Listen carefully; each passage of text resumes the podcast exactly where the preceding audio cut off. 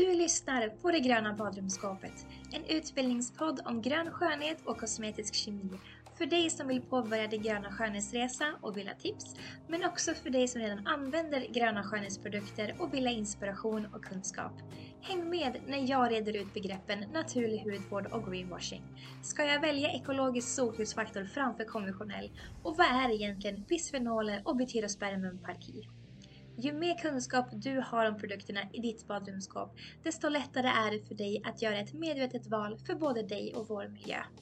Sanningen finns i ingredienslistan och den ska vi utforska tillsammans. Välkommen min gröna vän till det gröna badrumsskåpet.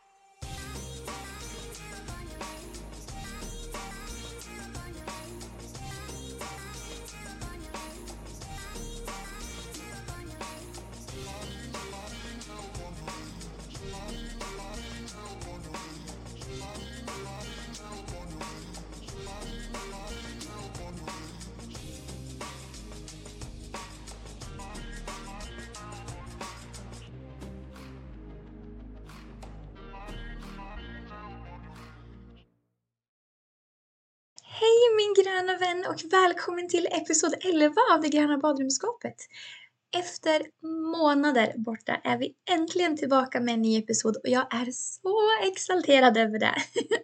Det känns så himla himla bra att vara tillbaka. Det blev ett långt uppehåll, men det var precis vad jag behövde och nu är jag redo för nya episoder och jag har så många idéer och jag har börjat med research för redan nästa episod.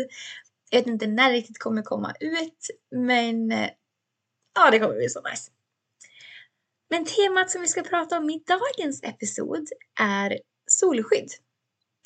Och jag måste säga att det har varit riktigt intressant att göra research på det ämnet.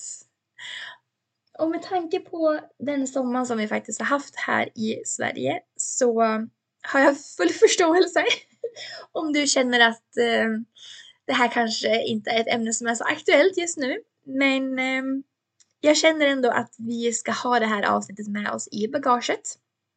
Och eh, vem vet, det kanske är fler utav er som kommer att åka utomlands här under hösten och vintern. Och eh, det finns ju fortfarande nästa år, både våren och sommaren. Jag, jag måste säga att jag är absolut besviken på allt regn som vi har haft den här sommaren. Jag hade semester direkt efter midsommar. Och jag fick ju några dagar där som var riktigt, riktigt fina. Det var så varmt och jag tänkte att ja, men det är så här det kommer vara resten av min semester också. Men ja, inte riktigt då. Det kom ju några dagar, så här, väldigt många strödagar där det var fint i några timmar och sen så kom regn eller så var det regn i början på dagen och så kom solen.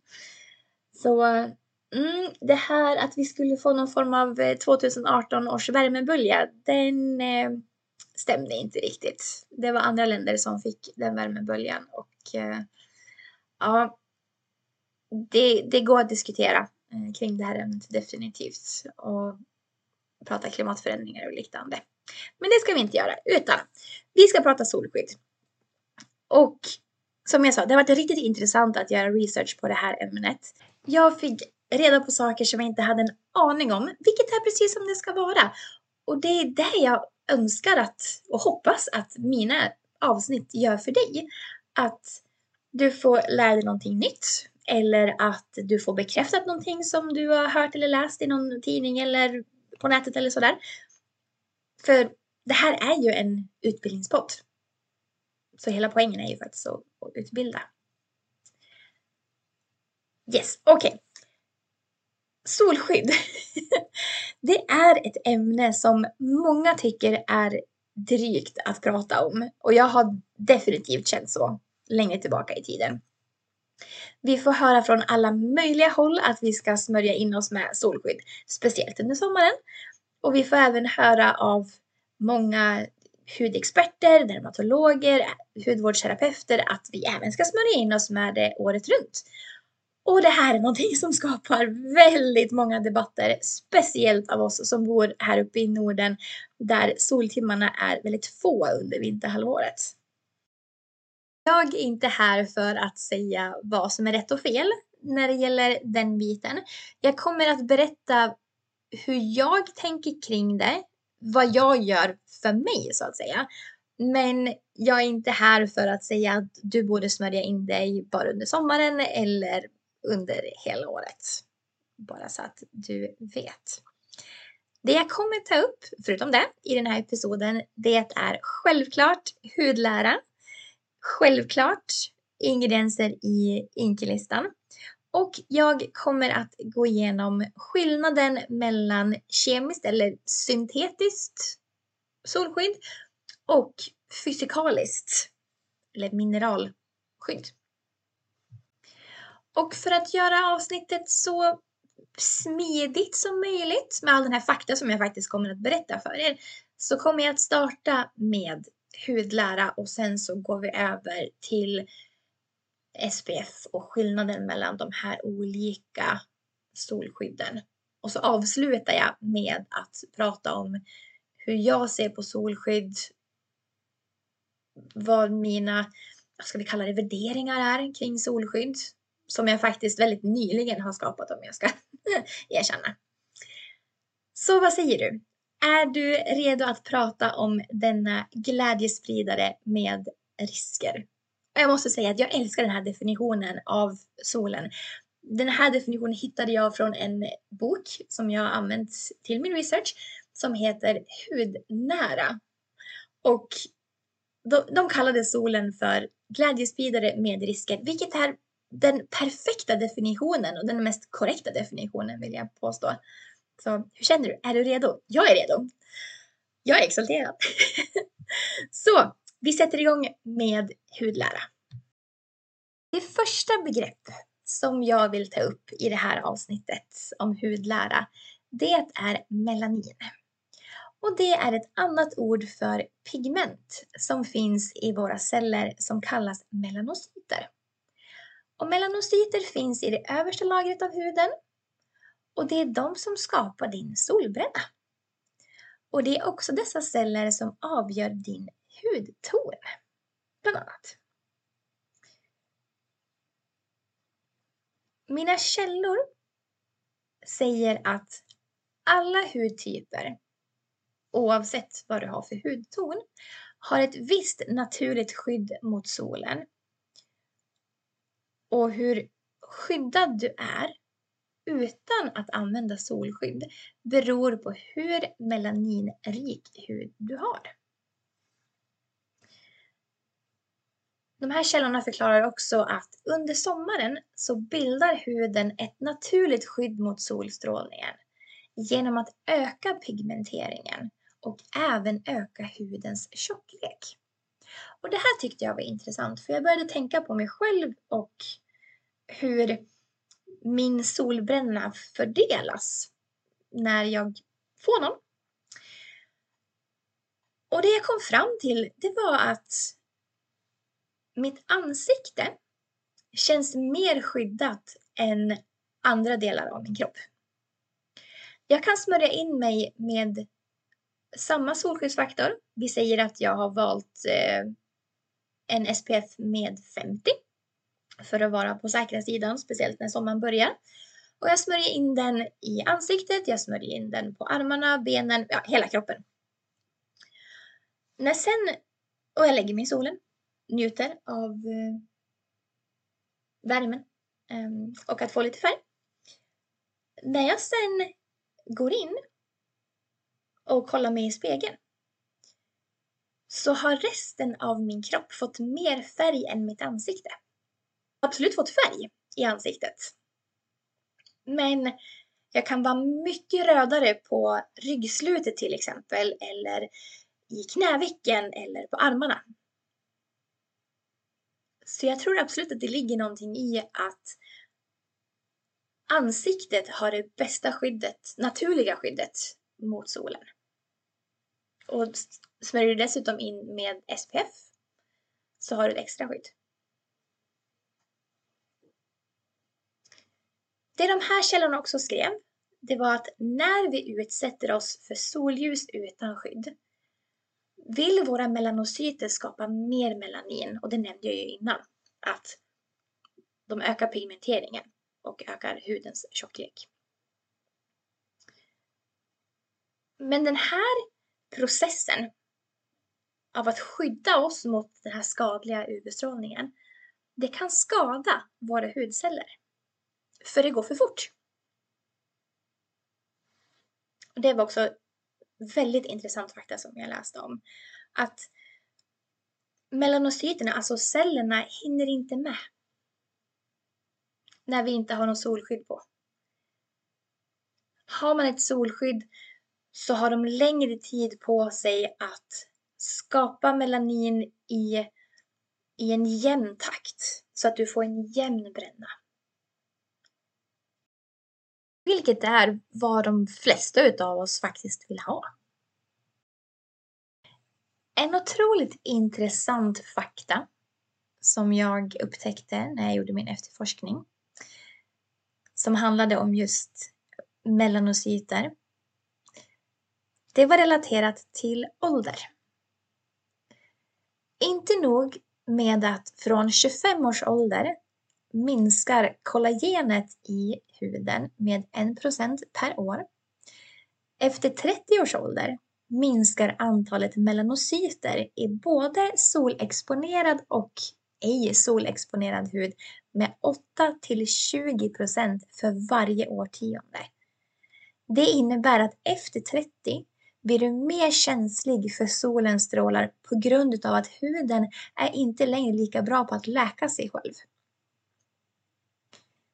Kollagen som jag nämnde alldeles nyss är ett protein och en av hudens byggstenar. Och vet du någonting om näringslära så vet du att det är protein som hjälper oss att läka när du har fått ett sår till exempel, eller i det här fallet solbränna. Så ju äldre du blir, desto mindre skydd har du. Och jag tycker ärligt talat att jag har börjat känna av det lite grann. Jag är 32 just nu, jag fyller 33 i slutet av mars. Och de senaste åren har jag blivit mer känslig för solen. Jag behöver ha solskyddsfaktor 50 på de ställena där jag tidigare kunde haft 30 utan problem och jag blir mer röd än brun i min solbränna. Tittar jag på bilder från när jag var tonåring eller yngre så ser jag brun ut. Det ser jag inte ut att vara längre när jag har varit ute i solen en hel dag. Så inte nog med att efter 30 så minskar antalet melanocyter i huden. Exponeras du för UV-strålning så bryts kollagenet ner i huden, vilket leder till att huden åldras i förtid. Och vi kan se dessa ålderstecken i form av exempelvis rynkor. Och det är av den anledningen som många experter inom hudvård kallar solskydd den bästa anti-age-produkten och varför så många produkter, både hud och hår, innehåller kollagen. Okej, okay. låt oss prata om solskydd eller Sun Protection Factor som det också kallas för. Vad är poängen med solskydd? Jo, den ska filtrera bort solens skadliga UV-strålning. Och vad är det för skador som kan ske? Jag nämnde det alldeles nyss. En av skadorna som kan ske är att UV-strålningen bryter ner kollagenet i huden, vilket leder till att huden åldras i förtid. Och vill du veta mer om kollagen så kan du lyssna på avsnittet som heter Hudlära 101.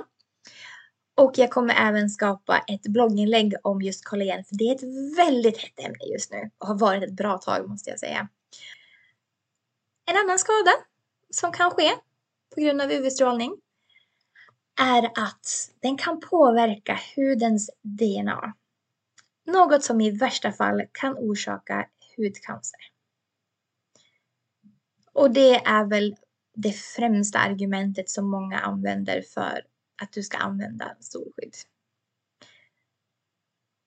Och jag tycker det här är fascinerande samtidigt som att det är väldigt läskigt på samma gång. Att det finns någonting som är så starkt att det kan faktiskt påverka vår huds DNA. Och om jag förstår min efterforskning rätt så är det UVA-strålarna som skadar cellulärt DNA indirekt genom att utlösa bildandet av fria radikaler, vilka i sin tur skadar cellerna genom oxidativ stress.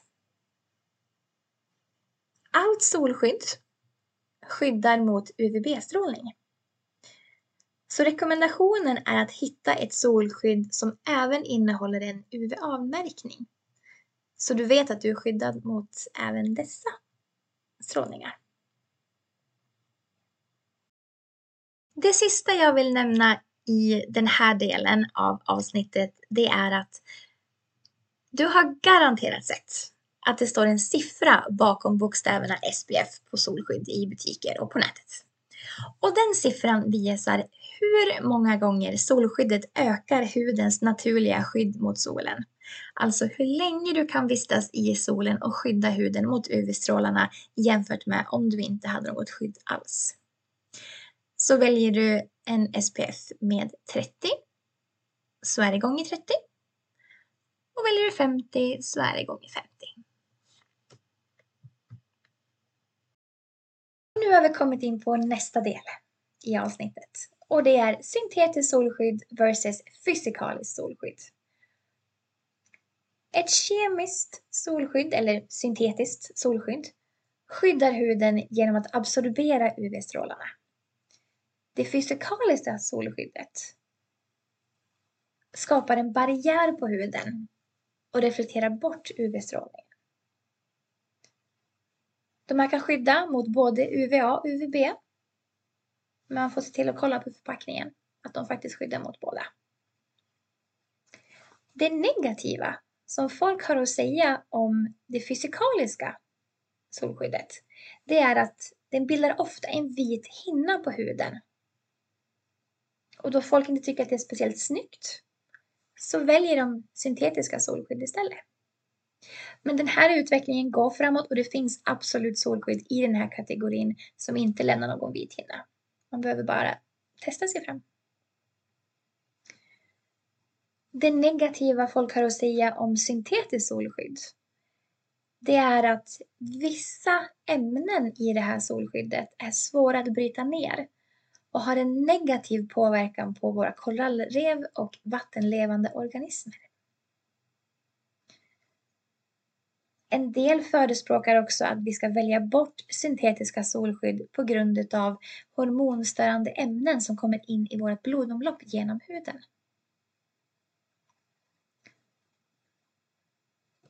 Samtidigt menar många att det behövs mer forskning kring det här ämnet. Medan andra säger att det finns tydlig forskning som visar att specifika ämnen slår ut viktiga antioxidantsystem i huden och bildar fria radikaler.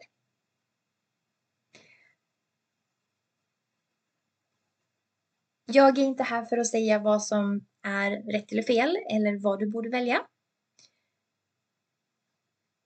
Men personligen så försöker jag just nu hitta ett fysikaliskt solskydd som inte lämnar en vit hinna. För jag föredrar att använda ekologiska, naturliga produkter, inte syntetiska.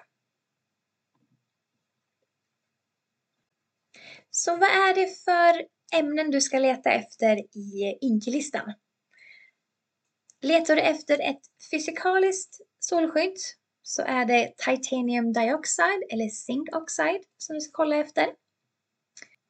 Och är det ett syntetiskt solskydd så innehåller det bland annat oxybencone, oxinosate, absolut ingen aning om man uttalar det där rätt. Tinosorb är ett annat ämne.